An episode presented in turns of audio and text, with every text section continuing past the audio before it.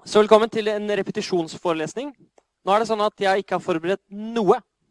Eh, disse to timene er fullstendig opp til dere. Hva vi fyller dem med, bestemmer dere i løpet av disse to timene. Før jeg begynner, er det noen spørsmål eller kommentarer eller innspill eller noe som helst? Eh, hvis ikke, så tar vi det underveis.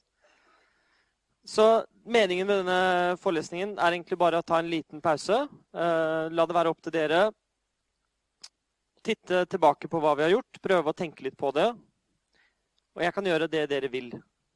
Jeg har noe forberedt, men jeg har ikke lyst til å lage dette til uh, det samme showet som vanligvis foregår herfra. Jeg har fått to uh, konkrete forespørsler. En er kan du gjøre noe med induksjon. Den andre forespørselen er kan du gjøre noe med rekursjon. Og spesielt innleveringsoppgave 6. Ellers er det opp til dere. Er det noe som dere helst vil uh, høre om? Si det gjerne nå. Ja?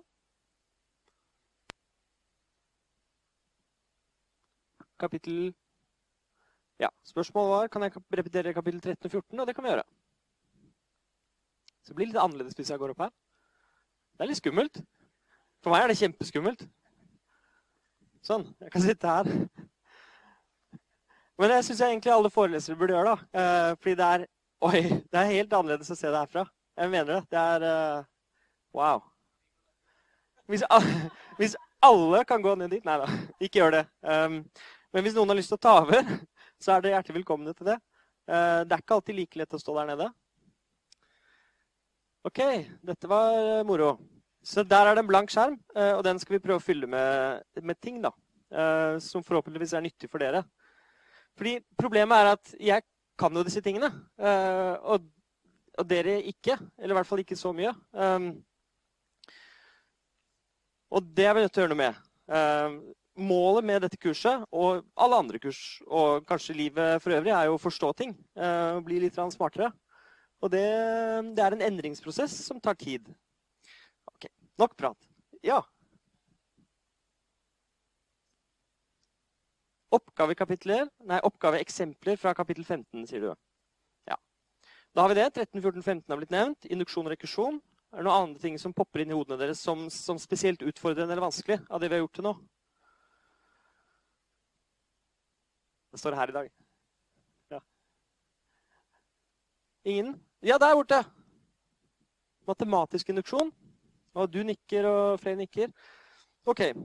Da tar jeg et eksempel på matematisk induksjon nå.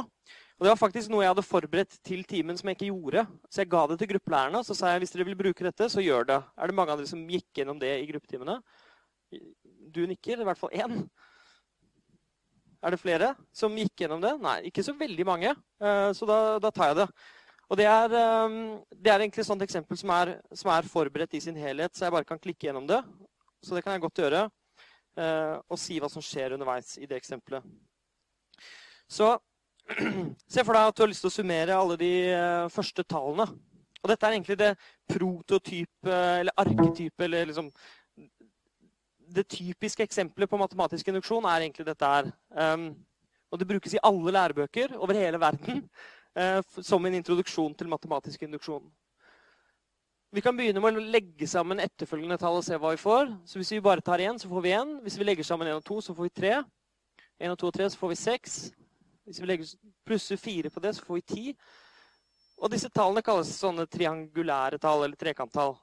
Og det er fordi hvis du spiller bowling og setter bowlingkjeglene i en sånn trekantlignende struktur, så er det antall bowlingkjegler du får. Fordi for hver ny sånn bowlingkjeglerad så legger du jo til eh, det neste tallet. Så nå f.eks. Hvis du har 15 og legger til eh, 6, så får du 21. Så summen av tallene fra 1 til 6 det blir 21. Så er det noen som ser et mønster.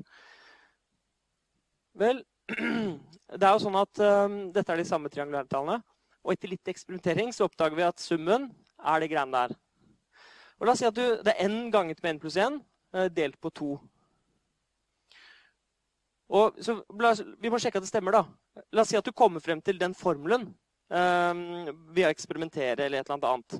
For eksempel så tar du i det siste eksempelet der 5. 1, 2, 3, 4, 5. Da er 5n, og da ganger du 5 med eh, 6, som er n pluss 1. Og så deler du på 2, og da får du 15. Fordi 5 ganger 6 er 30, Og 30 delt på 2 er 15. Hvis du går til eksempelet over, da, 4, som er tall, summen av tallene fra 1 til 4, så ganger du 4 med 5, som er det neste tallet, så deler du med 2, da får du 10.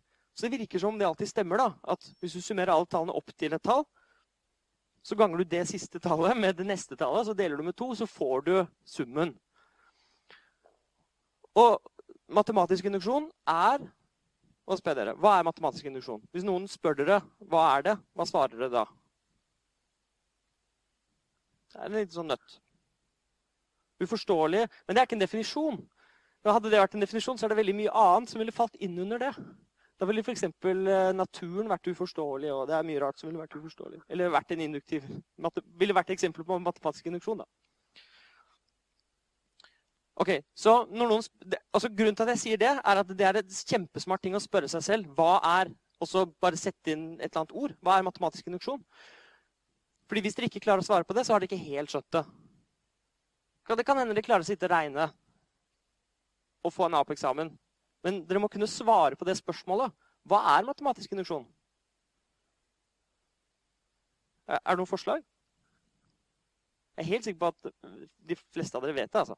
Så det er ikke noe Du sier det er et eh, bevis. En bevisform. Der er vi nå nærmer oss. Og det likte jeg. Fordi et bevis er jo liksom én ting. Eh, et objekt, matematisk objekt en annen, av en eller annen type. Men du sier en bevisform, og det liker jeg. Um, det er liksom en form et bevis kan ha. Og jeg vil kanskje strekke det så langt som å si at det er en metode. Så det er en bevismetode. Fordi hvis vi følger den metoden, så kan vi faktisk bevise og få et bevis for at noe er sant. Hva slags metode er det? Jo, der oppe er det en hånd. Derfor. Og det likte jeg så godt. Jeg håper du ikke leste opp. Eh, men det du sa var eh, matematisk induksjon er en bevismetode for å bevise at noe er sant for alle naturlige tall. Og det er det det er. Så nå er det jo en eller annen påstand der som vi tror er sann, nemlig at tallene, hvis du summerer dem opp fra én til én, summen av det er det samme som uh, den brøken. Det er en hypotese som vi er nødt til å prøve å bevise. Fordi vi har ikke gitt noe bevis for det. Vi bare tror at det stemmer. Vi, hver eneste gang vi sjekker, også, også, på toppen der, helt øverst Summen av alle tallene fra 1 til 1, det er liksom 1 ganger 2 delt på 2. Det stemmer, det. Det er 1. Fordi 1 ganger 2 er 2, delt på 2 er 1. Så det stemmer liksom alltid, men det er ikke et bevis. Så vi er nødt til å bevise det. Så vi forsøker da med et såkalt induksjonsbevis, som er en måte å bevise på at noe er sant. Og hva er det som vi skal bevise er sant? Jo, den likheten. Det er en påstand om tall. Ikke, det er ganske abstrakt, er det ikke det? At det er en påstand om tall. Skjønner dere det når jeg sier det? Fordi du kunne sagt om uh, naturlige tall noe annet. Du kunne sagt at uh, tallet n er et partall. Og Det vil du ikke klare å bevise for uh, naturlige tall, fordi det fins tall som ikke er det. Men andre påstander om tall da?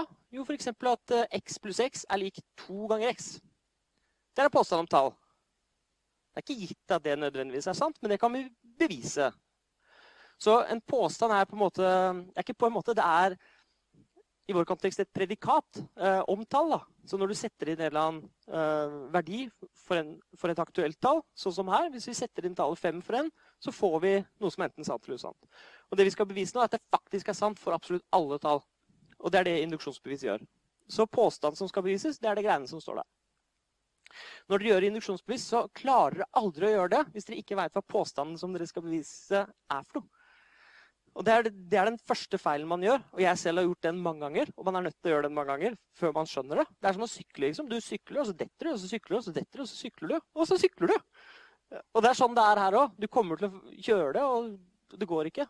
Så påstanden vi skal bevise er det. Og må alltid huske hva påstanden er. Og induksjonsbevis er da sånn at man viser det som heter basissteget. Og dere har bevist at påstanden holder for det første tallet. Og da gjør vi det, da. Hvis vi erstatter n med tallet 1, så får vi 1 er lik 1 ganget med 1 pluss 1 delt på 2. Og det eneste jeg gjør her, er å sette inn tallet 1 for n i det som jeg kalte påstanden tidligere. Påstanden var jo noe som hadde en plassholder, nemlig en. Så satte jeg inn for den plassholderen, og så fikk jeg dette.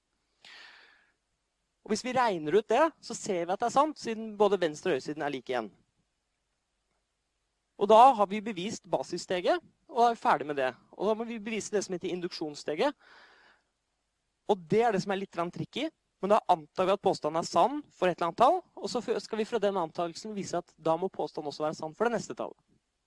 Hvis vi klarer å vise den koblingen fra et tall til det neste, så er vi ferdige og kan konkludere med at da må påstanden være sann for absolutt alle tall.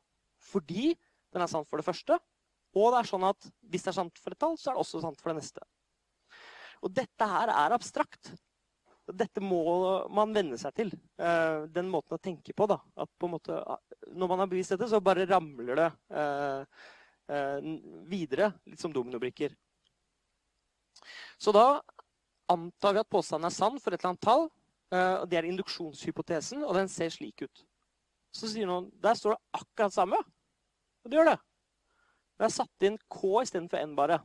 Ja, dere må bare spørre underveis. Så la oss ta Du spør eh, Dette var litt forvirrende. Hvordan kan vi egentlig definere Og så sa du eh, induksjonshypotesen. Så induksjonshypotesen er definert eh, som det å anta at påstanden holder for et eller annet tall. Ja. Det blir så likt induksjonssteget, sier du. Og det er riktig. For induksjonssteget det er på en måte at denne antakelsen eh, gir deg eh, det neste. Nemlig at påstanden er sann for eh, i dette tilfellet K pluss 1.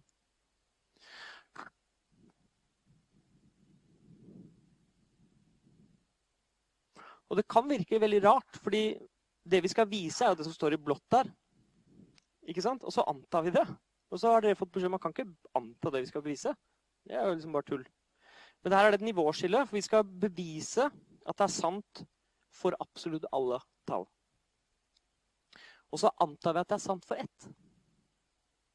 Og den antakelsen kalles induksjonshypotesen. Så vi antar ikke at det er sant for alle, for det er det vi faktisk skal bevise.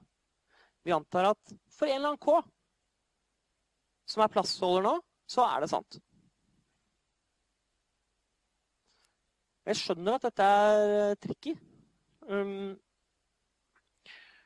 og Det som kommer på de neste fire sidene, er jo på en måte regning. Eh, men det er dette her som er det viktige. For nå har vi antatt den, og så skal vi bevise at påstanden holder for det neste tallet. Og det, det vi kaller induksjonshypotesen, det er bare den antakelsen. Så ordet induksjonshypotese er faktisk definert som bare en betegnelse for eh, at vi gjør den antakelsen. Induksjonssteget er også noe som vi har definert som, som en betegnelse på det å gå fra induksjonshypotesen til at påstanden er sann for det også det neste tallet. Er det andre Dere må spørre, altså. Jeg, det er så vanskelig fordi jeg står på den andre siden og har gjort sånne bevis mange ganger, så dere må hjelpe meg nå til å si de riktige tingene. Ja? Spørsmålet var når du gjør basissteget, beviser du da induksjonshypotesen? Og det er ikke riktig. Det, det er ikke sant, så svaret er nei.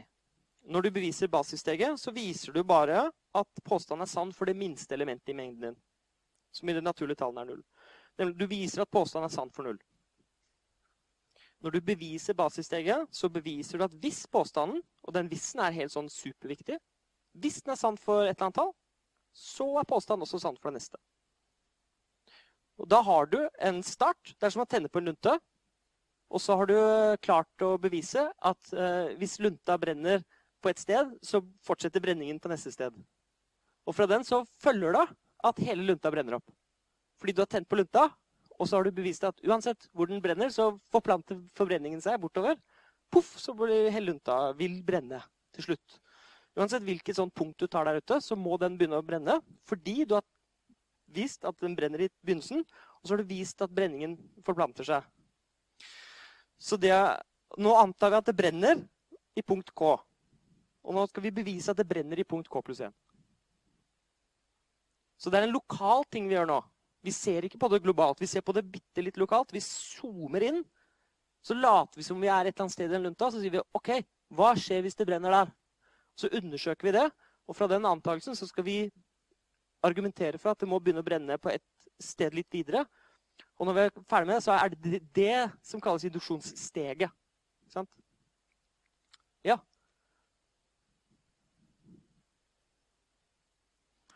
Nettopp. Så du, spørsmålet var nå Jeg må gjenta det for dere andre. Um,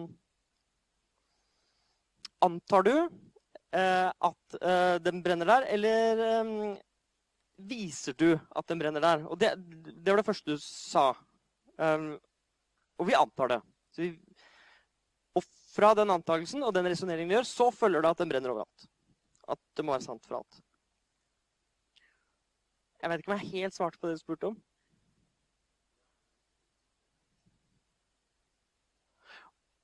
Så sier du du beviser ikke at det faktisk brenner. Men jeg beviser at det, hvis, hvis, det brenner, så brenner det videre. Det er riktig. Så vi, I dette steget, som kalles induksjonssteget, så beviser vi ikke at det brenner overalt. Vi beviser bare at uh, brenningen uh, vil forplante seg videre. Og nå er dette en metafor, da. Så metaforen er for at hvis det er sant for ett, så er det sant for det neste. Men, men det er en ganske sånn presis metafor, faktisk. Vi, men vi vet at det er sant, faktisk. Altså, jeg vet at det er sant. Uh, men vi beviser det likevel. Fordi det kan være at det kommer noen og sier jeg tror ikke noe på det. Dette er ikke sant. Og da må vi kunne si at ok, men jo, men det er sant fordi det er sant for null. Og så har vi bevist at hvis det er sant for K, så er det sant for K pluss 1. Så uansett hvilket tall du velger, kanskje 100, så veit jeg at det er sant for null. Og så veit jeg at det sant, hvis det er sant for null, så er det sant for 1. Og hvis det er sant for 1, så er det sant for 2. Og hvis det er sant for 2, så er det sant for 3. Fordi det er det induksjonssteget gir oss. Den gir oss den koblingen. Så kan vi plugge den koblingen inn 100 eh, ganger, og så får jeg at det er sant for 100 også.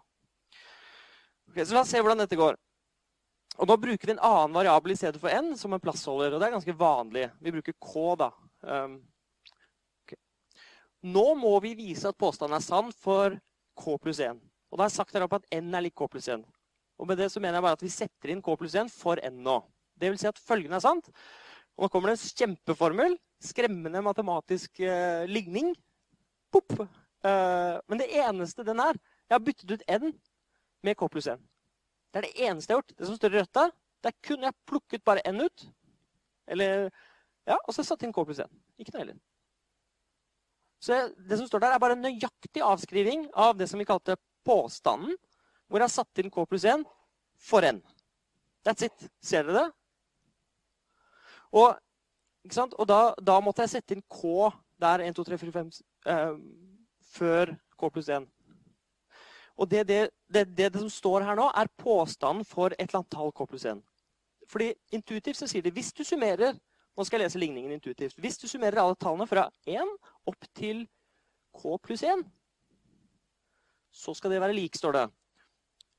k pluss 1 ganget med det neste tallet.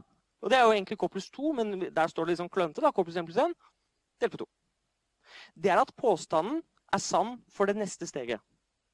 Og nå er vi i en veldig fin situasjon, for vi har antatt at det er sant for K. Nå skal vi bevise at det er sant for K pluss 1. Så det er en lokal ting vi skal gjøre når vi skal vise at en overgang er sann. Så det er dette som er målet vårt nå. Nå har vi én antakelse og ett mål. Og vi skal bygge bro mellom de. Det er det et induksjonssteg handler om. Så det som står her, er resultatet av å erstatte n med k pluss 1. Det har jeg sagt. Fordi vi har antatt at påstanden er sann for n er lik k, det var induksjonshypotesen, kan vi bytte ut den første biten, det som står i blått der, med det andre som står i blått her nede, nederst.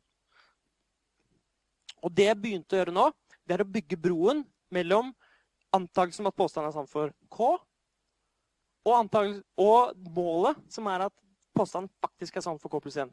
Så nå har jeg begynt å bygge broen. Nå har jeg begynt å argumentere for at hvis det brenner i K, så brenner det i K pluss 1. Og så ser jeg det at ok, det som står i blått der, fordi jeg har antatt noe Og den antakelsen er at summen av tallene fra 1 til K, det som står i blått øverst der, det er lik K ganger til K pluss 1 delt på 2. Det er det vi kalte induksjonshypotesen. Det, måte, det har vi på lager. da, Det er arsenalet vårt. Det er det vi har lov til å bruke. Ehm, det er ressursene våre og antakelsene våre. Det er det vi er helt sikre på. Det er det vi vet.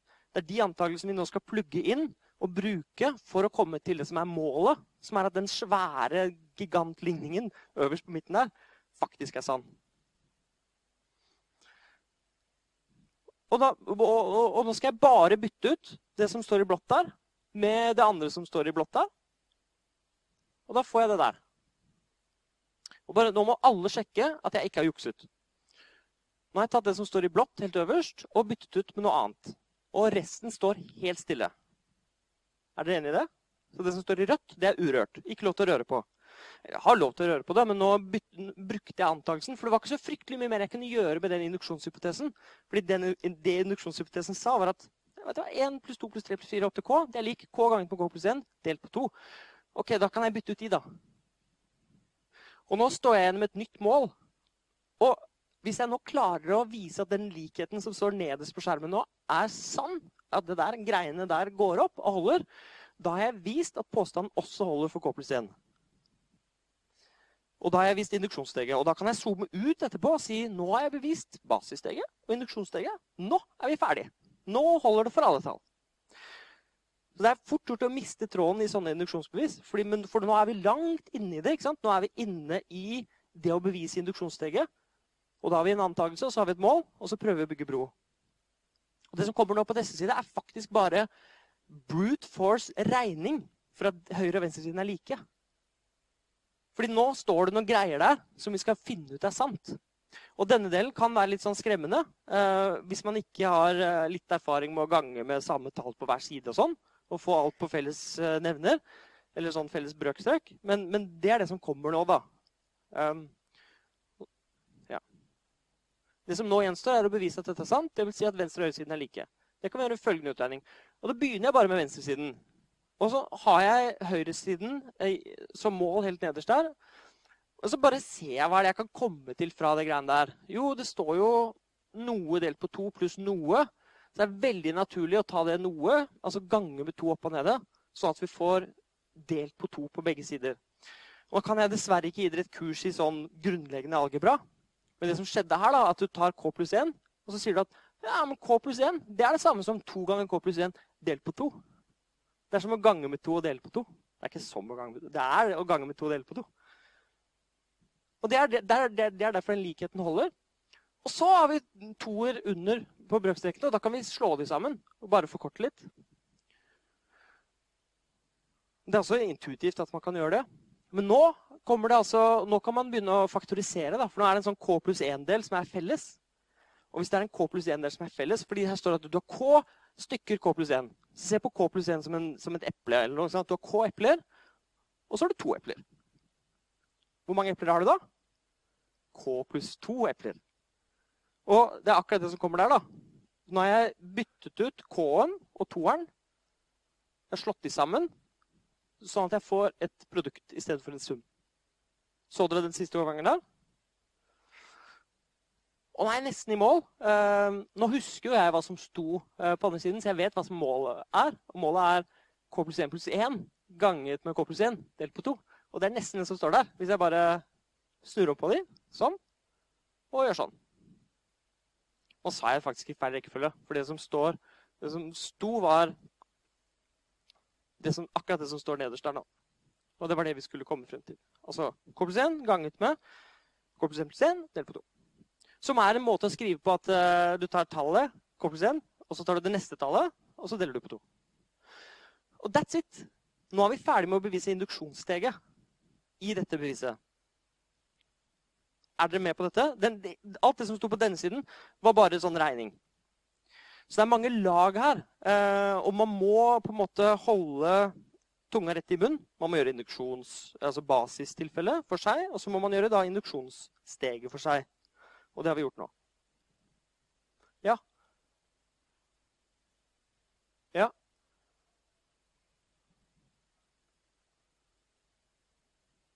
Spørsmålet var hvis man ikke er så god i sånn regning, åssen trekk får man på eksamen hvis man bommer på den delen her? Nå skal jeg gå litt ut på kanten og si ikke noe trekk i det hele tatt. Men det er litt sånn risky, da. Fordi når man sitter og retter eksamen, så ser man feil. OK. ikke sant? Og da er man ganske streng. Um, men, det, men det grunnen til at jeg sier at det ikke noe trekk, er at det, det viktigste her er ikke det. Så innholdet i kurset er den strukturen. Og hvis man skjønner den strukturen, så, det, så, er det det som teller, og det er det dere blir testet på. Hvis du snubler i en eller annen sånn lang utregning, men alt annet er riktig, så er det, så er det greit. Og Det er derfor jeg liker strukturell induksjon bedre. Fordi det har å gjøre med Det er enda mer generelt, da. Men, men, så dette er egentlig bare et spesialtilfelle av det. Men resonneringen er helt lik. så ender det at folk eh, bommer mellom eh, antakelsen og målet når man skal vise induksjonssteget, men det er ikke det viktige. Men for at det skal være et ordentlig bevis, så må det også selvfølgelig være på plass. da. For det kunne hende at uh, du prøver å bevise et eller annet, og så tenker du at uh, ja, det stemmer sikkert, og så hopper du over et par steg. Og så er det faktisk ikke sant, det du prøver å bevise. Så hvis det kommer til et sånt tilfelle hvor den utregningen ikke går hjem, så er det et signal på at kanskje det dere forsøker å bevise, ikke er sant. Og da må dere begynne å lete etter et moteksempel på det dere forsøkte å bevise. Jeg har noen historier om studenter på universitetet ikke dette kurset, men andre kurs, som har blitt bedt om å bevise ting på eksamen som ikke er sant. Um, og da er det veldig dumt å, å, å klare det. uh, det som er veldig bra, det er å si at uh, sorry, jeg klarte ikke det. Eller dette gikk ikke. Her er et moteksempel. Uh, det du prøver å få meg til å bevise, er faktisk ikke sant. Det ville vært sant hvis det sto en X istedenfor Y. eller noe sånt. ikke sant? Fordi det kan hende det er noen sånne feil. Ja? Nettopp. Det var igjen et spørsmål om Jeg hørte ikke den siste biten. Ja, spørsmålet var uh, litt det samme, tror jeg. Altså Hvis det er den, kun den regningen det står på, og alt annet er på plass, så er det jo det man må øve på. da. Eh, men jeg oppfordrer dere egentlig til å lese det eksempelet i boken og så bare sjekke at dere skjønner hvert likhetstegn. Eh, og hvorfor det står en likhet der. Og disse likhetstegnene de er litt sånn, de er ikke hellige, men de er på en måte jeg, Du tuller ikke med likhetstegnet, for å si det sånn. Du skriver ikke et likhetstegn bare for å si eh, noe sant, ligner på noe annet, eller minner meg om noe annet, eller assosiert med noe annet. Du sier det for at de to tingene på venstre høyre er dønn like. Hvis ikke, så bruker dere ikke likhetstegnet. Hvis dere skriver i førsteordenslogikk, eh, så ønsker dere å si på en måte at GX det, det representerer og står for um, X er god i fotball eller noe. Hvis noen da skriver GX er lik, og så setningen X er god i fotball Jeg spretter i stolen, jeg. Fordi, fordi det er ikke en likhet. Det er derfor det står konsekvent i boken GX representerer utsagnet ikke skal god i fotball. Det står aldri likhetstegn mellom de to tingene. Så for meg så er likhetstegn det er litt sånn hellig. Altså, Jeg tuller ikke med de, da. Jeg bruker ikke likhetstegn hvis det ikke er dønn likt det som står på hver side. Og her er det likhetstegn. Masse likhetstegn. Så likhetstegnet kan byttes ut med 'er lik'. Er det samme som. Er identisk med. Og du sier ikke det uten videre overalt. Så. Uh, det var min lille sånn Eh, ja. Men det er viktig, da. Altså, det, gjør det gjør det flinkere og bedre også hvis de ikke slurver med øh, bruken av det. For å samle trådene Vi kan jo da konkludere, konkludere med at påstanden er sann for n eller k pluss 1. Vi har altså bevist at hvis påstanden er sann for k, er påstanden også sann for k pluss 1. Og så kommer konklusjonen. Ved induksjon følger det at påstanden er sann for alle positive heltall. Og dette er eksempel på en enklere måte. Bare sånn intuisjon. Det går en historie om Gauss, den berømte matematikeren, som fikk i oppgave å legge sammen alle tallene fra 1 til 100 på barneskolen. Um, han sa nesten umiddelbart 5050. Han nølte ikke engang. Men han uh, han tenkte sannsynligvis ikke den formelen, altså 100 ganget med 101 delt på 2. Men trikset, uh, et triks da, det er mange måter å gjøre det på, men det er å legge tallene fra 1 til 100 bortover. Og så skriver du det en gang til, bare. I motsatt rekkefølge. Og hvis du gjør det i motsatt rekkefølge, så blir jo summen i hver kolonne nøyaktig det samme, nemlig 101. Så summen av alle de 100 eh, enkeltsummene eh, bortover blir 101. Så over streken så står det da eh, alle tallene fra 1 til 100, men to ganger. Altså, så jeg må faktisk dele på to. Men under så står det også eh, eh, alle tallene, men delt på to. Så det, under streken så står det 100 stykk. 101-ere. Men det er dobbelt så mye, så da må vi dele på to. Så det er en annen måte å forstå på at hvis du summerer alle tallene fra 1 til 100, så er det 100 100 enere, men det er dobbelt så mye som å dele på to. Men du kan også se på det geometrisk som en faktisk trekanttall. Det vi, det jeg prøvd å hinte litt om før. Hvis, man, hvis dere ser på bowlingkjeglene, så er det jo en trekant. Og hvis du dytter litt på den, så ser man at en trekant er jo halvparten av et rektangel. Og det rektangelet eh, som vi snakker om her, det er 100 eh, den ene veien og 101 den andre veien. Så blir det halvparten av det. Så det er flere måter å se på dette på, da. Men nå har vi snakket om matematisk induksjon, så da forlater vi det, tror jeg. Hvis ikke det er noen som lurer på noe mer. Ja, du? Nettopp. Kjempefint spørsmål. Du sa var hva hvis det faktisk ikke stemmer? La oss si vi, vi hadde en påstand, da, en formel. Kanskje det var en annen formel istedenfor den altså, k ganger på k pluss 1 delt på 2. Kanskje det sto noe annet der. Hva ville skjedd da? Det som ville ha skjedd da, hvis du hadde gjort alt riktig, er at du ikke ville klart å gjennomføre induksjonsbeviset. Eh, du, la oss si du, du, prøver å bevise noe som ikke er sant. Det er en påstand om naturlige tall. F.eks. at tallene fra 1 til 100 er lik, eh, eller 1 til n da, er lik 2n. Ja, det, er, det er en oppgave. Bevis at Summen av tallene fra 1 til n er lik 2n. Og hvis dere, vil, hvis dere, forsøker å bevise det med matematisk induksjon, så kommer dere aldri til å klare det. Og det kommer til å feile enten i basissteget, eller basistilfellet, eller det kommer til å feile et eller annet sted i induksjonssteget. Garantert. Fordi påstanden ikke er sann. Hvor det feiler, avhenger av hva du um, velger deg. I dette tilfellet, hvis jeg sa at summen av alle tallene fra 1 til n er lik 2n, så vil det feile til basistilfellet, fordi 1 ikke er lik 2, som det ville vært da i basistilfellet. Men hvis jeg hadde sagt at summen av tallene fra 1 til 1 er lik n, sånn, det er jo helt absurd ting å si. Så summen av tallene 1, 2, 3 er jo ikke lik 3, men la oss si at vi prøvde å bevise det. Da ville. Uh, da ville basistilfellet funka, det. Fordi summen av tallene fra 1 til også bare 1, det er jo lik 1. Så bam, da har vi basistilfellet, og så prøver vi å bevise induksjonssteget. Og da antar vi at det er sant for alle tallene opp til n, og det er greit. Um, bare for å være nøye på det. Hvis vi nå eh, antar Det var et fint spørsmål, og det er et fint tankeeksperiment.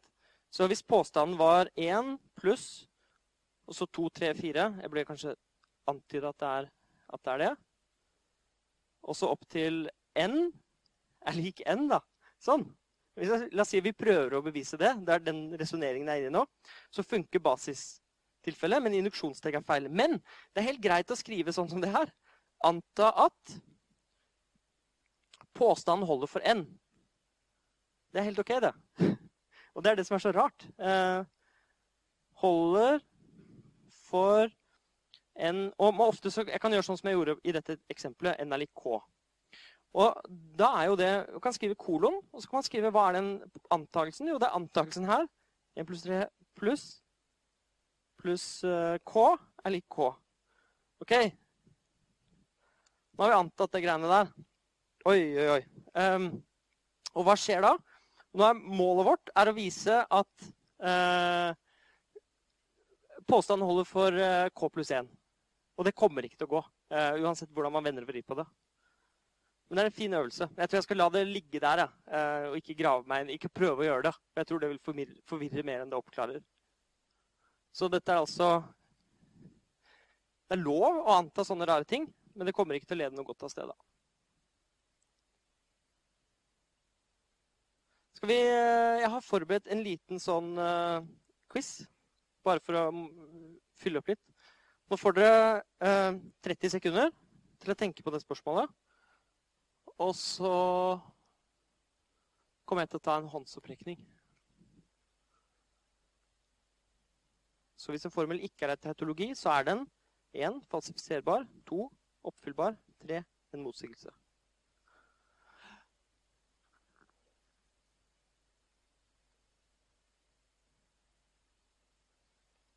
Ok, Nå gikk det 30 sekunder. Det gikk, bare raske 30 sekunder. Eh, så hvem tror det er Én. Eh, to.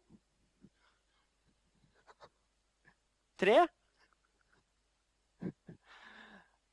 Ok, um, For å svare på et sånt spørsmål Det var overvekt på én her. Uh, det er veldig mange som rakk opp hånden på én, men veldig mange fulgte mitt eksempel og rakk opp hånden på to.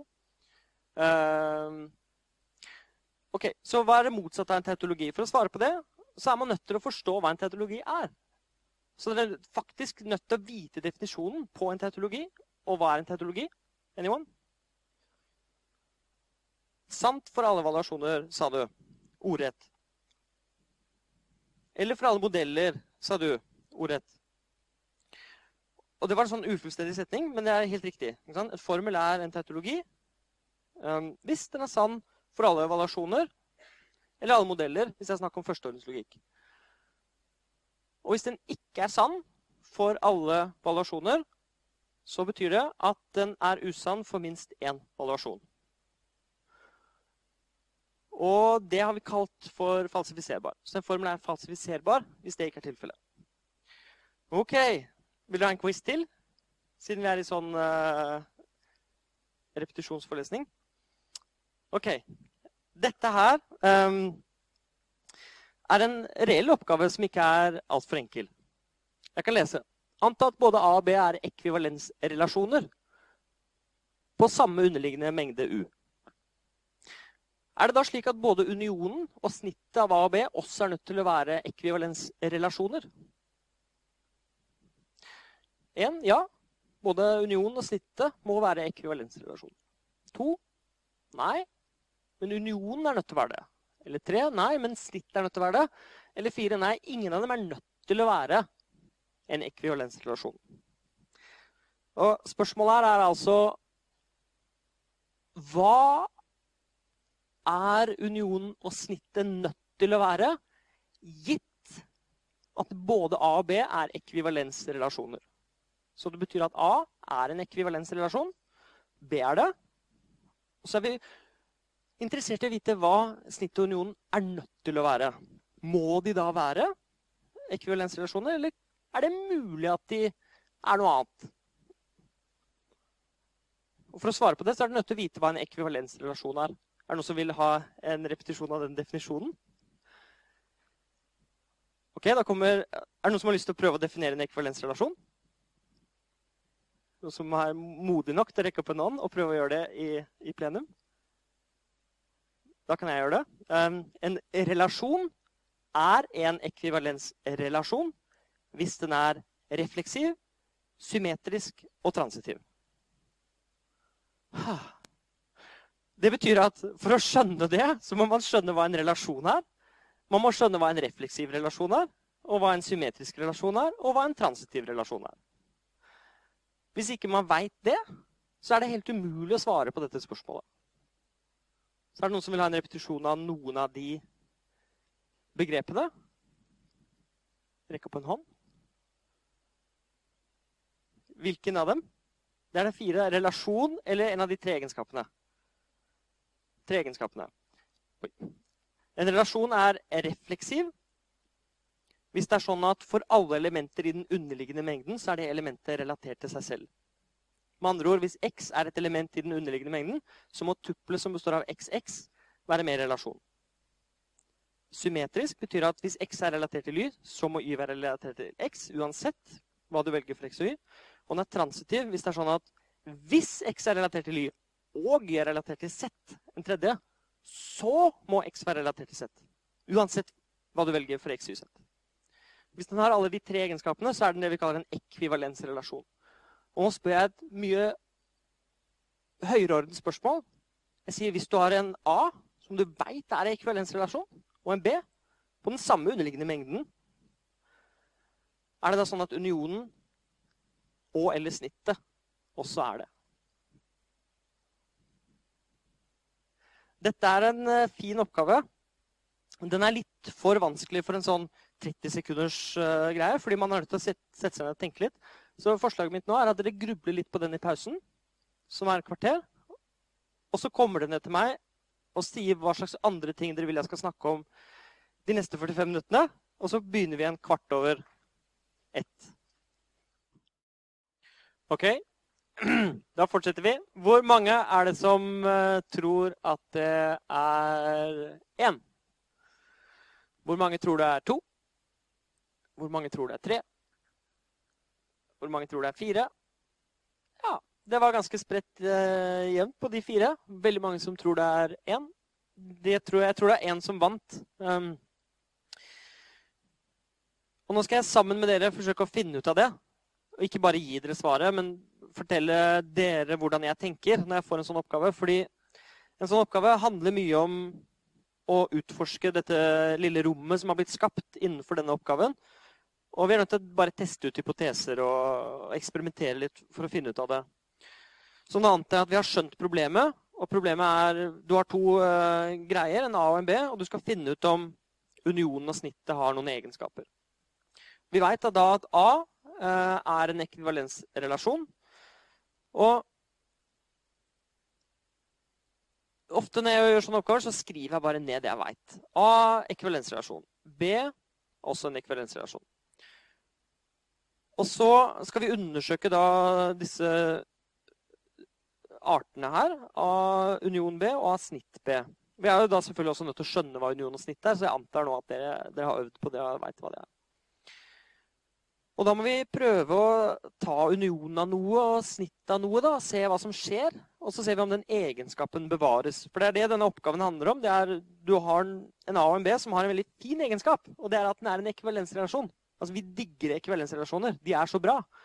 Og da veit vi at de er symmetriske, refleksive og transitive. Og så lurer vi på om den egenskapen blir bevart når du tar unionen. Det, skjønner du hva jeg mener med å bevare en egenskap? Kan dere komme på et eksempel på en egenskap som bevares når vi tar union? En egenskap ved mengder som bevares når vi tar, eller en relasjon som bevares når vi tar union? Du sier refleksivitet. Um, og det er riktig, fordi hvis du tar en refleksiv relasjon, og så tar du union med en refleksiv relasjon, så må unionen også være refleksiv. Det kan man forsøke å bevise. Og da finner man at det stemmer. En enklere egenskap er kanskje endelighet. For hvis du har en endelig mengde og en annen endelig mengde, og tar union av dem, så må det du kommer opp med, være endelig. Det går ikke an å lage en uendelig mengde av to endelige. Så det er en egenskap som blir bevart. Det samme med snitt. Snitt vil bevare egenskapen endelighet og også egenskapen refleksivitet. Så nå har du faktisk, nå har jeg og du litt sammen da, argumentert for at refleksivitet eh, er en sånn fin egenskap som bevares. Og nå kommer vi til disse Polias heuristikker som vi var inne på i begynnelsen. Så hvis, dette, hvis noen ikke klarte å løse den oppgaven, prøv å løse en oppgave som er enklere. Og En enklere oppgave er f.eks. hvis A er en refleksiv relasjon, og B er en refleksiv relasjon, er det sånn da at unionen må være det, og eller snittet må være det. Og Nå argumenterer jeg for at eh, begge deler er faktisk nødt til å være refleksive. Hvorfor det? Er det sant? Og Da må man bevise det. Så Måten å bevise det på da, er eh, å anta at A er refleksiv, anta at B er refleksiv. Så må du bevise at unionen er refleksiv. Hvordan beviser vi at unionen er refleksiv? Hvis noen gir dere en mengde, og dere skal bevise at den er refleksiv, hva må dere gjøre da?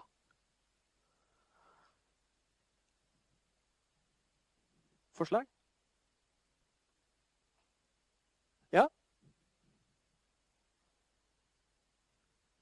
Ja. Nå skal ikke jeg prøve å gjenta alt det du sa, for du begynte jo nå å bevise at det er sånn. Men jeg har noen kommentarer uh, uten, å, uten, å, gjenta spørsmålet til hva du sa. Uh, for du begynte å snakke om elementer som refleksive. Og det er en veldig vanlig feil. Fordi hva er det som kan være refleksivt? Relasjoner kan være refleksivt. Elementer kan ikke være refleksive hvis ikke vi har en mengde med relasjoner, da. Hva sa du? Ja, et speil er refleksivt. Men det er en annen type refleksiv, da. Det er refleksiv i hjemmet. Nå er det refleksiv i uh, matematikk, da. Eller refleksive relasjoner. Så det er, så det er lurt Men det, det, er fint kommentar, fordi det er lurt alltid når dere får et begrep, å, å stille seg spørsmålet hva er det en egenskap ved? Fordi hvis dere ikke kan svare på det, så har dere ikke skjønt hva det er. Så, ok, så Det var ikke for å slå hardt ned på deg når du sa eh, fordi resonneringen din var helt fin, den. Og du tenkte litt høyt, og jeg er veldig glad for at du gjorde det. Så, men du begynte å resonnere. Men jeg, spør, jeg, går, jeg, skal ta ett steg tilbake. Hvis dere får i oppgave å vise at en relasjon er refleksiv, hva må dere gjøre da? Og, og for å kommentere litt på kapittel 5, så ser dere på formen til det dere skal bevise. Og da vil det gi dere svar på metoden. Fordi formen på utsagnet noe er, altså X da, er en refleksiv relasjon. Det er en universell påstand. Og da må dere vite det, fordi dere vet hva refleksiv betyr. Hvorfor det er en universell påstand? Jo, fordi sier, refleksivitet sier uansett hvilket element du tar, altså for alle elementer, så må det være sånn at det elementet er relatert til seg selv. Og fordi det er en universell egenskap, eller en universell påstand dere skal bevise, så er det noen teknikker vi bruker for å bevise universelle påstander. En sånn er å velge et uh, vilkårlig element fra mengden U, som er den universelle underliggende mengden, og så sjekke om det elementet er relatert til seg selv. Med andre ord at tuppelet da XX, hvis det er X vi valgte, er med i, i den relasjonen her. Så det å velge seg et vilkårlig element, det vil alltid funke. Så så det er måten å resonnere på hvis vi skal bevise eh, at refleksivitet bevares. Og da er vi nødt til å velge et vilkårlig element fra U. Og så er vi nødt til å vise at um, Så jeg kan OK, her kommer det et lite bevis. Um, vi viser at A, union B, er refleksiv. Ikke sant? Og da gjør vi det. Um, hvordan skal vi gjøre det? La x være et vilkårlig element, et vilkårlig valgt element eller noe sånt, um, fra U. Og U er den mengden som det, Dette er relasjoner over. Det sto på forrige side, men jeg gjentar det igjen. Så vi har alltid noen uh, en underliggende mengder som vi har relasjon over.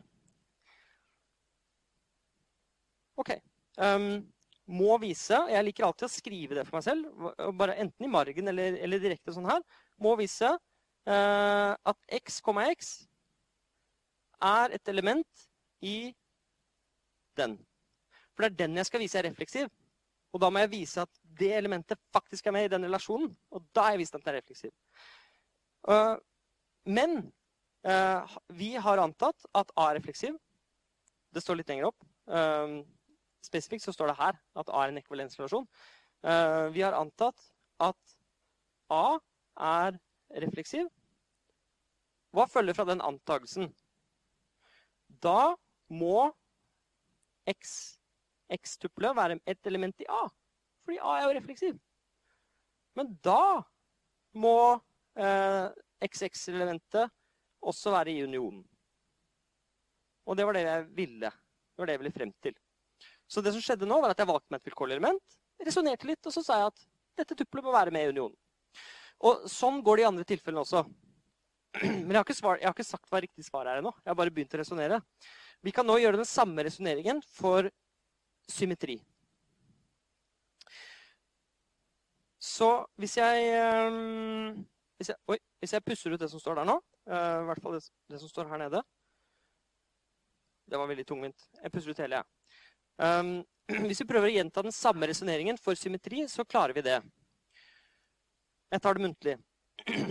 Hvis du skal vise at unionen mellom A og B er symmetrisk, så velger du deg x-y-tuple. Og så må du vise at y-x-tuple er med. Hvis x-y-tuple er med i unionen, så må det være med enten A eller B.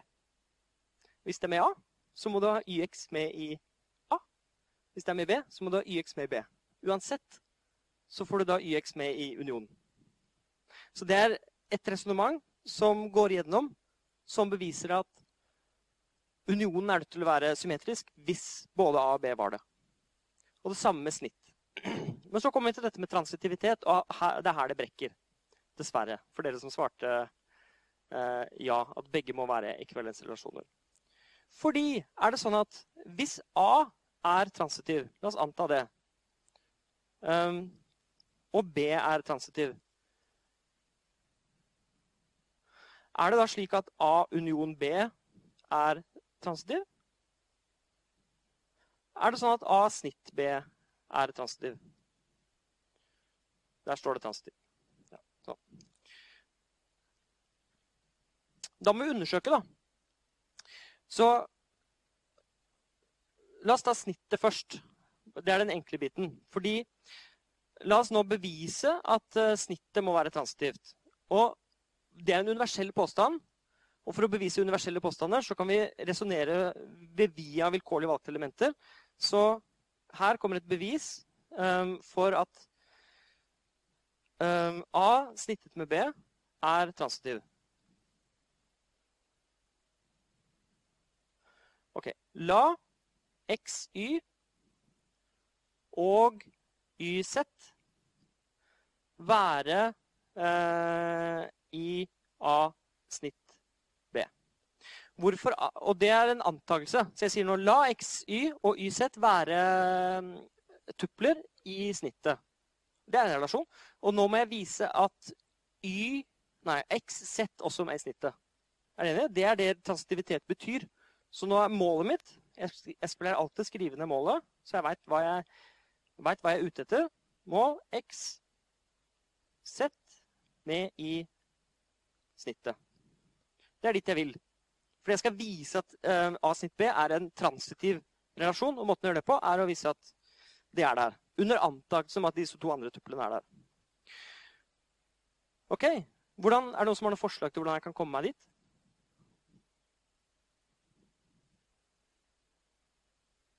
Ja, jeg skal gjenta resonnementet ditt, for det var uh, innertier. Det var et helt perfekt resonnement.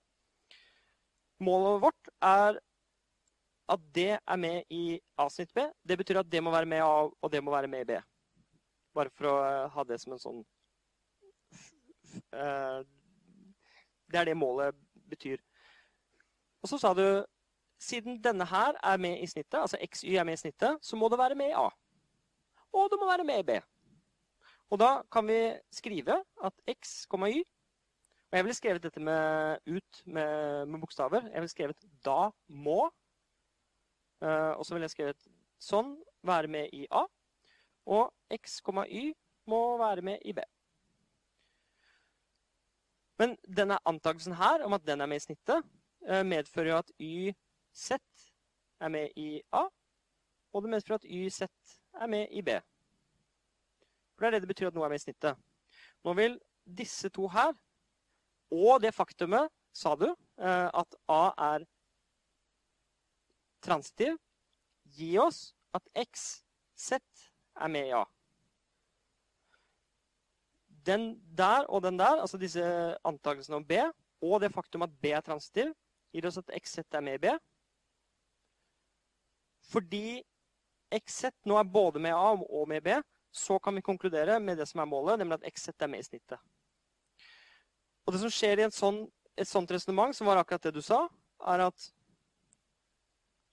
vi går til A, så ser vi hva som er der, og så går vi til B og ser hva som er der, og det må være med begge, og så må det være med i snittet. Dette resonnementet klarer vi ikke å gjennomføre for union. Uansett hvor man, hvordan man prøver på det, så går det ikke. Så nå skal vi se på denne siste biten. Hvis A union B er definert sånn, må den være transitiv. Altså A er transitiv, B er transitiv, men hva med unionen? Hvis dere prøver å gjennomføre det samme resonnementet, så går det ikke. Eh, dere, dere, klarte det. Ok, Da vil jeg veldig gjerne høre hvordan det foregår. Så da antar vi Antar at A er trans, transitiv, transitiv, og at B er transitiv. Og nå skal vi leke en lek. Jeg liker å leke leker. Nå skal vi bevise sier vedkommende at A union B er transitiv. OK, let's go. Da kommer det et bevis. Ja. Sånn. Dere tegnet. Fint. Mm. Piler. Ja. Ja.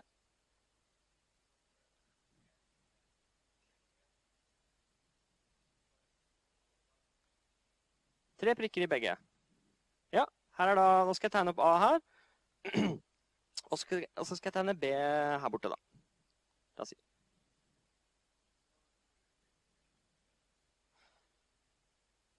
Du, nå, nå, det som skjer nå, da, er at du sier hva jeg skal gjøre, og så gjør jeg det. Så du sa at begge relasjonene skal være refleksive. Da må jeg tegne sånne piler på begge relasjonene.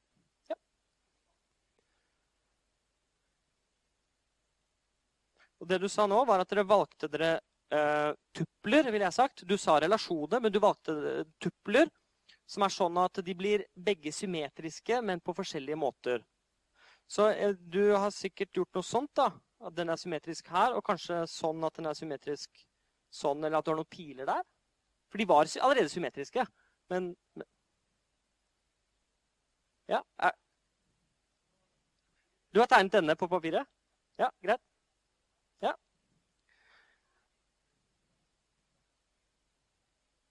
Ja. Og, nettopp, og det du sa nå, bare for å gjenta det, er at hvis vi legger de sammen, så ser det ut som det blir noe ekvivalensrelasjonsaktig.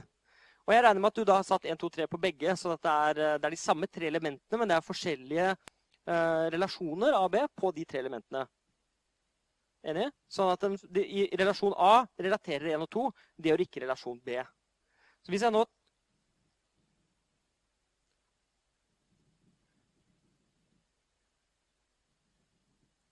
Ja, men da tegner vi opp den. Så nå tegner jeg en uh, relasjon her nede. Og så påstår jeg at det er unionen. Og når vi sier unionen av to relasjoner, så betyr jo det bare å ta med alle tuplene som var i, i alle de andre. Så tar, hvis, no, hvis, et tuppel var med i enten A eller B, så tar vi det med. Og nå har jeg tatt med de, og jeg må ta med den, og jeg må ta med den. Og fra B så kommer den der og den der. Og det er en tegning av unionen. Men den er jo ikke transitiv. Nettopp. Eh, og du er enig med meg, og det er derfor dette ikke går. Og det er så fint at du valgte det som eksempel, fordi dette er et moteksempel. Eh, der det står dette viser at A kan være en ekvivalensrelasjon. Ikke bare transitiv, men faktisk en ekvivalensrelasjon. B kan også være det, men unionen trenger ikke å være det. Og unionen er ikke det, fordi 1 er ikke relatert til 3. Selv om de er relatert via to. Altså 1 er relatert til 2 og 2 til 3, men 1 til 3 er ikke der. Og heller ikke 3 til 1. Bortsett fra det så er den en ekvivalensrelasjon. Men den er altså ikke det. Og da har vi funnet et moteksempel. Så svaret på oppgaven det var at uh, gitt den antakelsen om at både A og B er ekvivalensrelasjoner, så er snittet nødt til å være det. Men ikke union. Union trenger ikke være det. Så her ser vi et eksempel på en egenskap som er litt fin, som vi liker, som ikke blir bevart når vi driver og tar unionen. Og Sånne ting må man være litt påpasselig med. Da. Veldig bra. Uh, er det noen spørsmål til dette før jeg forlater det? Jeg tror jeg skal fortsette litt å snakke om relasjoner. fordi Det var mange som kom ned i pausen og, og fortalte meg at dette må du si noe om. Så jeg tenkte jeg skulle gjøre det nå. Uh, og si litt om de forskjellige typene relasjoner. Men her har vi dekket de tre viktigste, og det er refleksiv, symmetrisk og transitiv. Nå skal jeg eh, teste dere. Er Og så skal jeg skrive en relasjon. Og det er den her.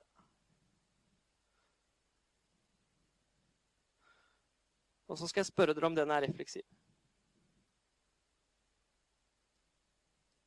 Det er lurespørsmål. Det er viktig å vite. Er den refleksiv? Ja eller nei? Alle sier ja. Noen sier nei.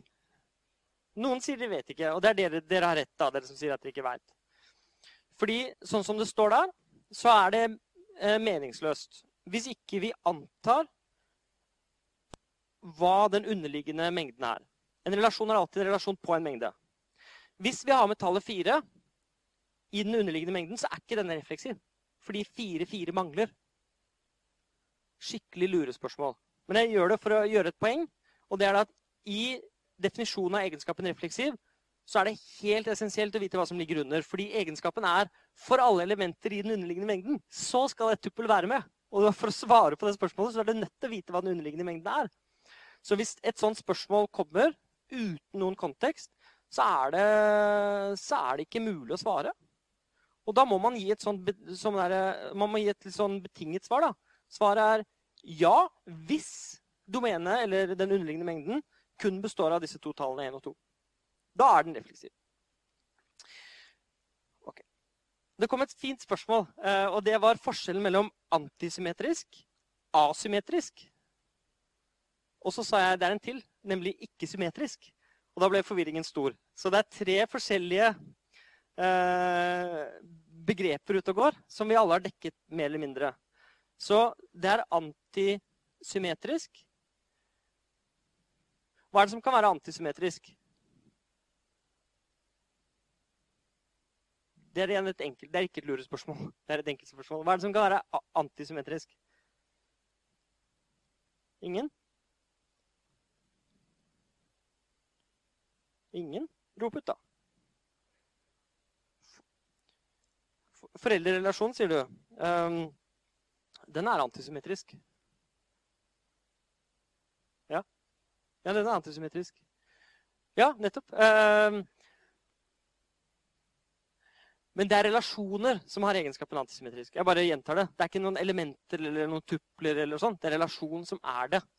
Hvis noen spør um, um, hva, er det som kan være grønt, da? Ikke sant? Og da kan si at et hus kan være grønt. Blomst kan være grønn. ikke sant? En person? Ja, kanskje. Um, et tall? Ja, hvis vi tegner det opp grønt, så er det jo eh, er det grønt. Men, men noen vil kanskje si at det er noe som ikke kan være grønt. Så er til, altså, Det er da du skjønner hva et begrep og et ord betyr. Det er når du veit hva som kan ha den egenskapen, og som ikke kan ha det.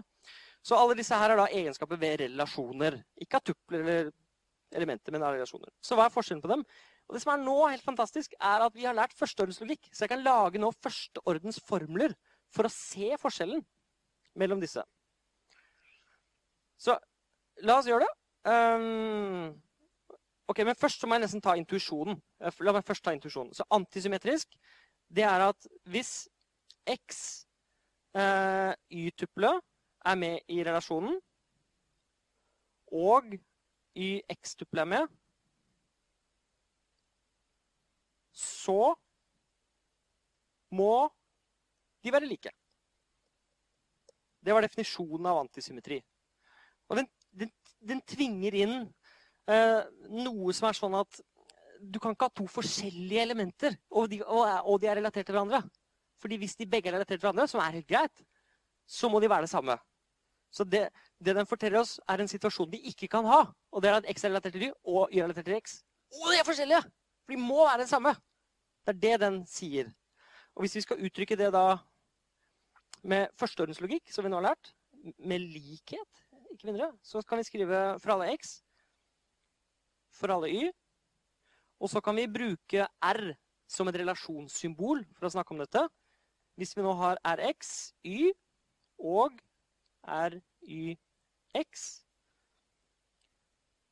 Egentlig, ja, så skal de være like. Ikke noe, ikke noe egentlig. Jeg lurte på kanskje om jeg skulle skrive det infix, men jeg dropper det. Og da ville jeg skrevet x, r, y. Sånn. Noen ganger er det litt enklere å lese. Men det, i dette tilfellet så er det greit. Vi gjør det sånn. Så det er en måte å uttrykke antisymmetri på. Hva er asymmetrisk? Vel, det står i en oppgave, tror jeg, og det er at uh, Ja.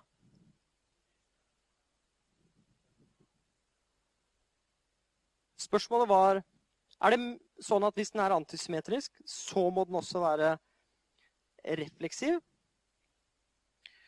Det er ikke tilfellet. Og da må vi finne et uh, eksempel på det. Så la oss lage en relasjon nå som har egenskapen antisymmetri, men ikke refleksiv, for å svare på det spørsmålet. Noen som har forslag til det?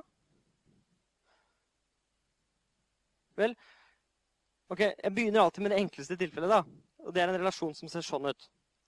Det, vil si den tomme relasjonen. Altså den tomme relasjonen, Hvilke egenskaper har den tomme relasjonen? Er den antisymmetrisk? Ja, den er antisymmetrisk. Fordi hver eneste gang jeg har jeg RXY og RIX, så er de like.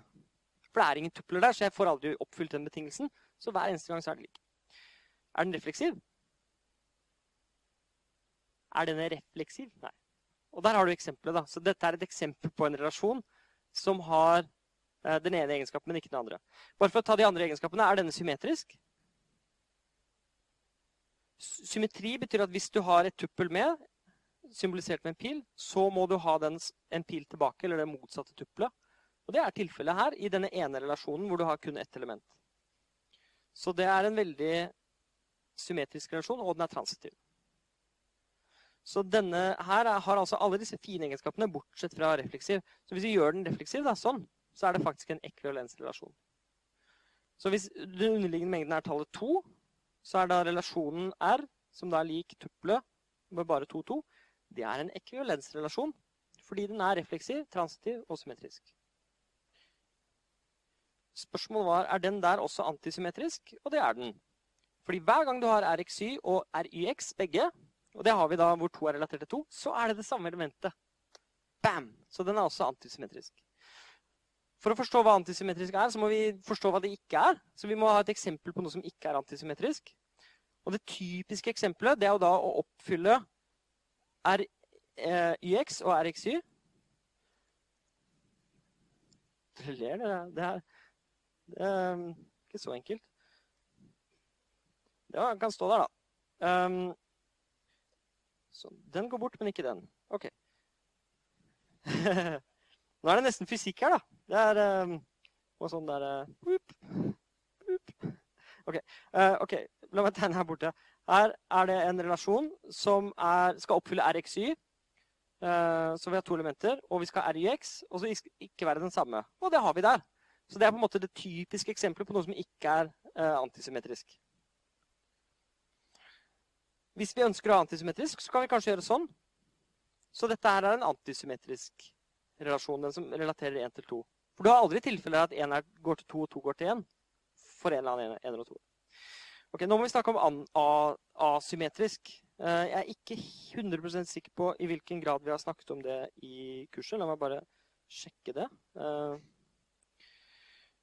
det er i oppgave 6.10 eh, at, det står om, at asymmetrisk. Og definisjonen der sier at hvis xy er med, så er ikke yx med. Og måten å symbolisere det på, det er å si for alle x og for alle y.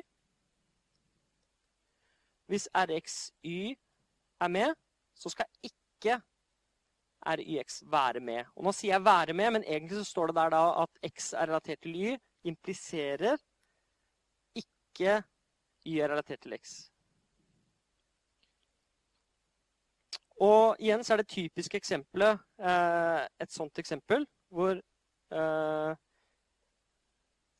Hvis man har denne situasjonen, så er den ikke asymmetrisk fordi den ene er relatert til den andre, og eh, den ene til den andre, så vi får en sann usann der oppe. Så R, er relater, R relaterer X til Y og Y til X, og da blir den usann. Så det er asymmetrisk.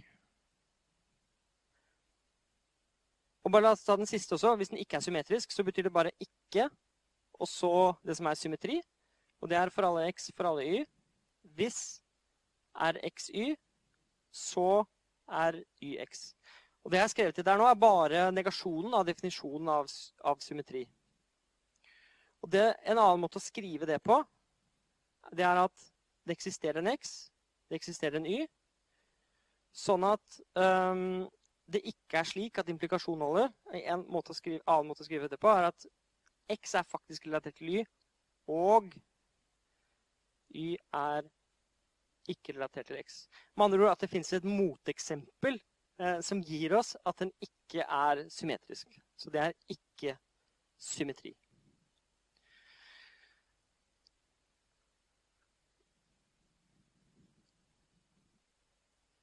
Er det noen spørsmål til dette? Jeg kan, jeg kan, fortsette å snakke om eh, alle disse forholdene til hverandre, men jeg tror jeg har brukt nok tid på dette nå. Hvis ikke det er noen som lurer på noe mer, da. Okay, så det kom flere spørsmål i pausen. La meg prøve å eh, besvare de fleste av dem. Jeg rekker jo ikke alt, men uh, Noen spurte om denne oppgaven her. Hvis en formel ikke er en tautologi, så er den og så er falsifiserbar. Men den kan jo være oppfyllbar. Hvis noe ikke er en teatologi, betyr bare at den ikke alltid er sann. Men den kan gjøres sann. Det er ikke noen, er ikke noen uh, vi, Det eneste vi vet, er at det ikke er en teatologi, uh, så er det det eneste vi vet. Nemlig at den, den, er ikke alltid sann. Det kan godt hende at den er sann. Det, men det vi vet, er at den kan gjøres usann. Så derfor så er uh, to det er på en måte ikke det mest riktige svaret her. Det er én som er det mest riktige svaret. Det var den kommentaren.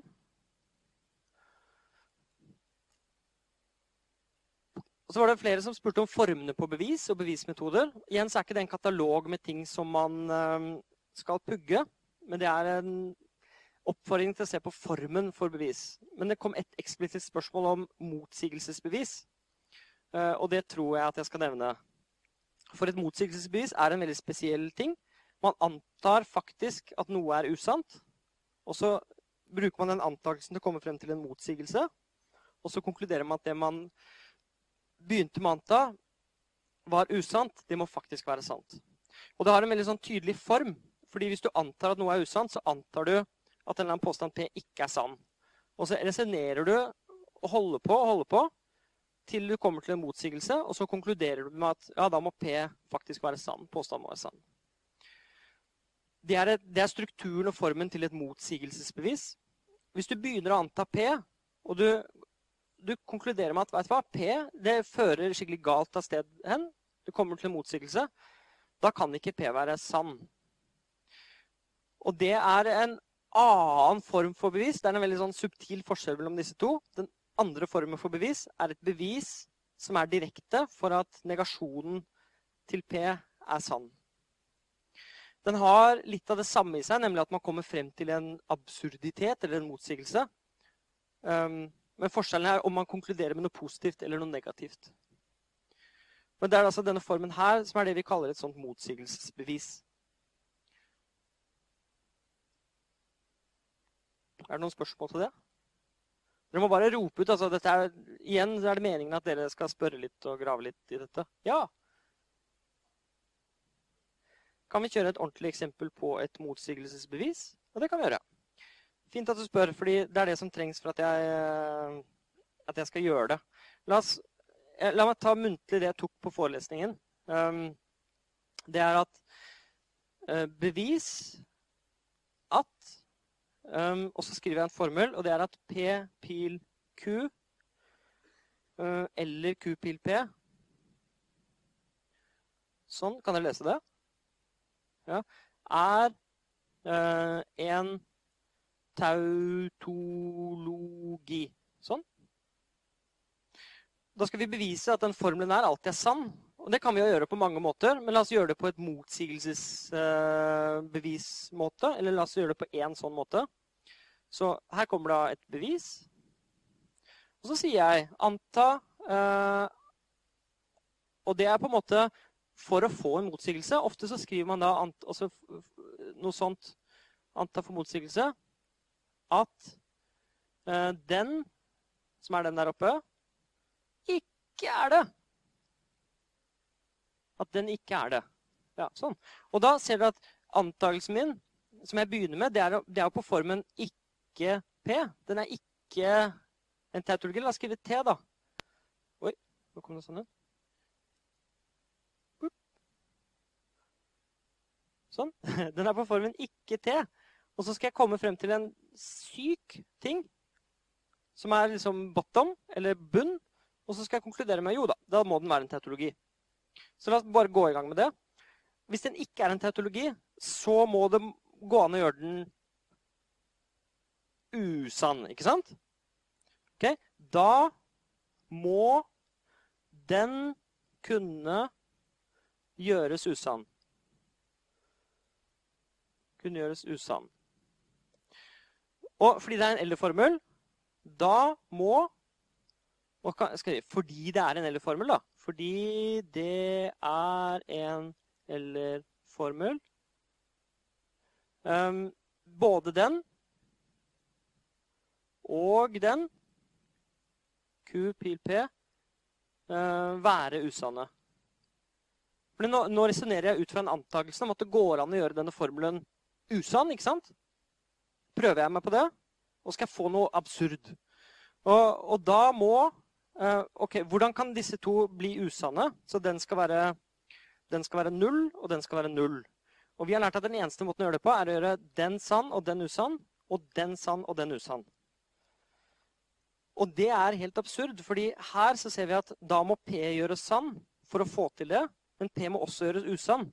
Og her i ligger det på en måte ikke bra saker, da.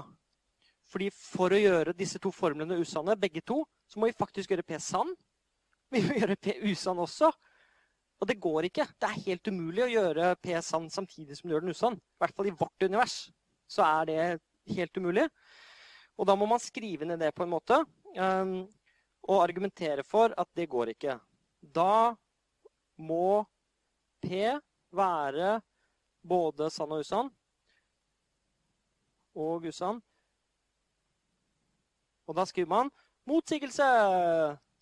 Går ikke.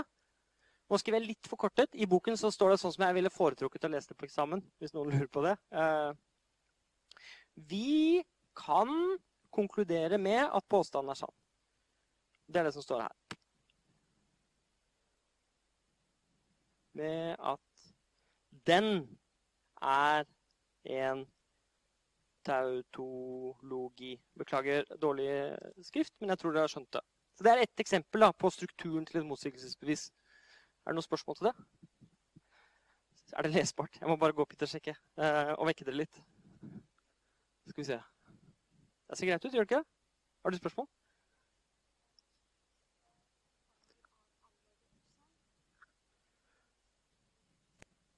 Spørsmålet er hvis formelen allerede er usann, eller um, hvordan skal vi da gi et motsigelsesbevis? Det kommer helt an på strukturen uh, og hva formelen er. Hvis du skal bevise at noe er usant, så kan du bare gjøre det. Fordi, men her oppe så står det at noe er en tautologi, og da antar vi at det ikke er det. Finner du ut at det går ikke an, da må det være det. Så hvis du skal bevise at noe er usant, så må du anta at det er sant. Får du en motsigelse? Nei, det går ikke. Da må det være usant. Det er den samme strukturen.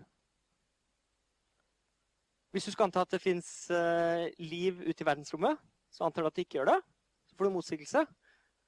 Så kan du konkludere med at det er liv der ute. Det er derfor dette er ikke-konstruktivt. da. Vi klarer å resonnere ved å komme frem til en absurditet man noe faktisk fins. Og det er litt sånn rart. Så noen aksepterer ikke dette som et bevis, og de kalles for konstruktivister. For skal være, alt skal være så konstruktivt. Jeg liker det veldig godt. Det som er kult med det, er at Hvis alle bevisene er konstruktive, så kan man lage algoritmer og dataprogrammer rett fra bevisene. Men Det går langt utover dette kurset. Men det er en kobling her mellom informatikk og logikk som er dyp. da. Et annet spørsmål?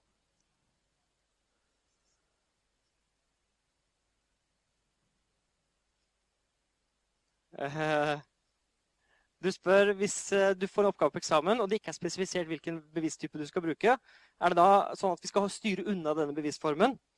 Og jeg er litt sånn fristet til å si ja, fordi eh, jeg er litt sånn konstruktivist eh, av meg. Men, men, dere står fritt til å gjøre akkurat sånn som dere vil for å bevise det som er oppgaven. Så dere kan fint bruke et motsigelsesbevis hvis det gjør at dere kommer frem til målet, som er å bevise påstanden. Og er, Her er det målet som er det viktigste. Hvis noen sier 'bevis at 2 pluss 2 er lik 4', så er det bare å gå i gang og regne, og så er du ferdig. Her er beviset. Så man må se på formen til det man skal bevise. Hvis det er en eksistenspåstand, så må man komme opp med et eksempel som viser at det holder. Hvis det er en universell påstand, så kanskje det er et induksjonsbevis. Kanskje det er å velge seg vilkårlig, eh, et vilkårlig objekt, osv.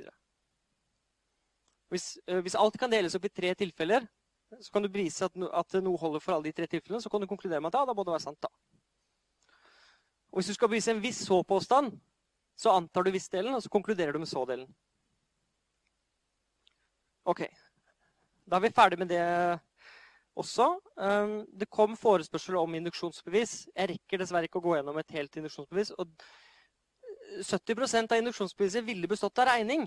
Uh, og hvis dere har skjønt strukturen i det, sånn som jeg snakket om det i første time, så har dere skjønt det viktigste. Men dere er nesten nødt til å prøve å regne noen oppgaver selv uh, og se at det går.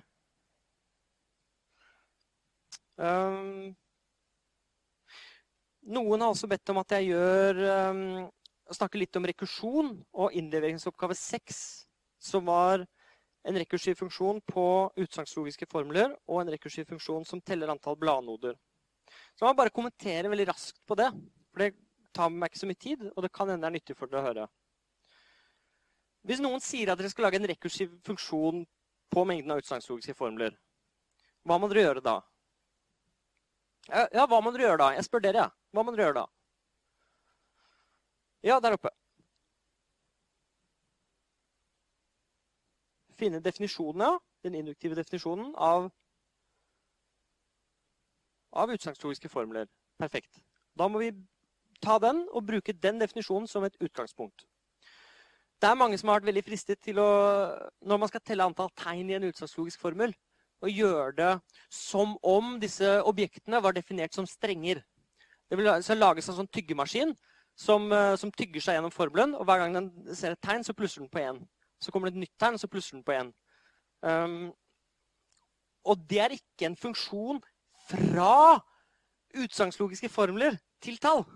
Så den funksjonen som er sånn her, da, eh, f, som, som, skal telle, og så sier du OK, er, hvis noe er på formen sx, så skal du ta f av s.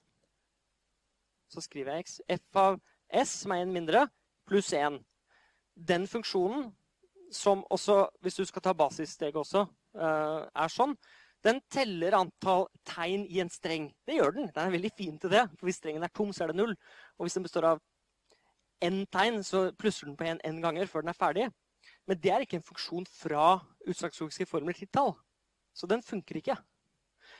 Og grunnen til det er at hvis du putter formelen P og Q inn i den formelen, i neste steg så sitter du da igjen med denne, denne si, formelen. Den der. Og det er jo ikke en formel. Og funksjonen skal ta, den, skal, skal ta formler som, som, som argumenter.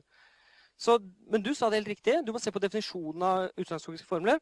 Og da må du spesifisere hva funksjonen skal gjøre for alle de minste elementene, og det er utsagnsvariablene. Så du må si at f av p er lik 1, og så må du kvalifisere hva p er en plasshold for, for alle utsagnsvariabler p.